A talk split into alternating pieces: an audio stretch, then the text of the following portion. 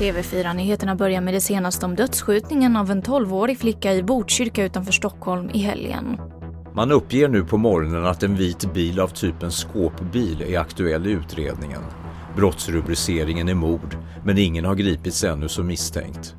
Mycket pekar på att det rör sig om en uppgörelse mellan kriminella och att flickan träffats av en förlupen kula.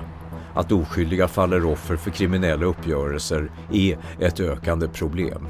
Reporter här var Johan Åsard.